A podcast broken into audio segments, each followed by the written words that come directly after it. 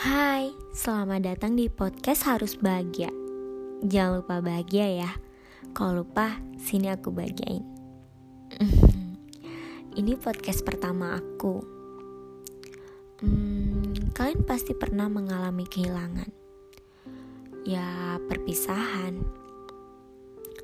Kehilangan itu memang menyakitkan. Di tahun 2018 lalu, aku sempat kehilangan seseorang. Bahkan berpisahnya sangat sadis. Menjadi kemusuhan. Entahlah itu dibilang apa. Tetapi lanturan kata-kata yang sangat menyakitiku. Sampai aku membencinya. Tak menyangka bisa begitu. Ya, mungkin saja ya.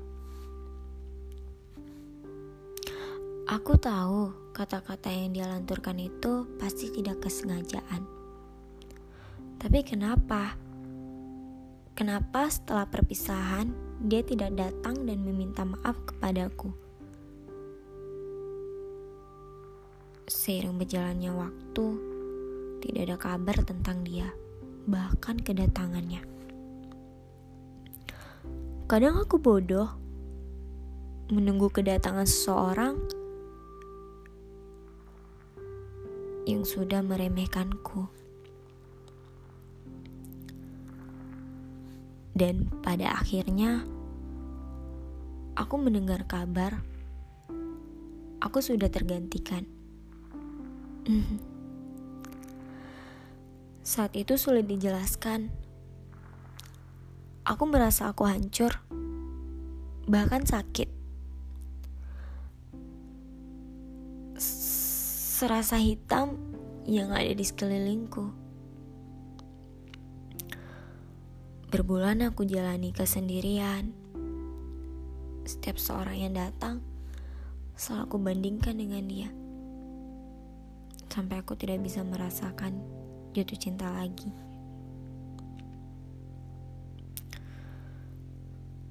Aku menjadi kacau, sering bergadang, makan tak teratur, bahkan pola hidupku sangat kacau. Satu tahun berlalu, aku pun pergi melanjutkan kuliah di luar kota,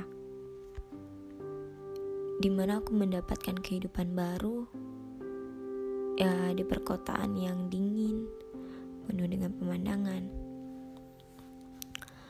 Di sini aku bertekad untuk memulai hal yang baru Mungkin kalian bisa patah hati, sakit hati, bahkan mati rasa. Ingat, yang aku pikirkan dan yang harus kalian pikirkan, mau sampai kapan berada di situ. Coba gini deh, anggapin masa lalu itu adalah rumah yang udah gak kamu tepati lagi yang emang harus kamu keluar dari rumah itu.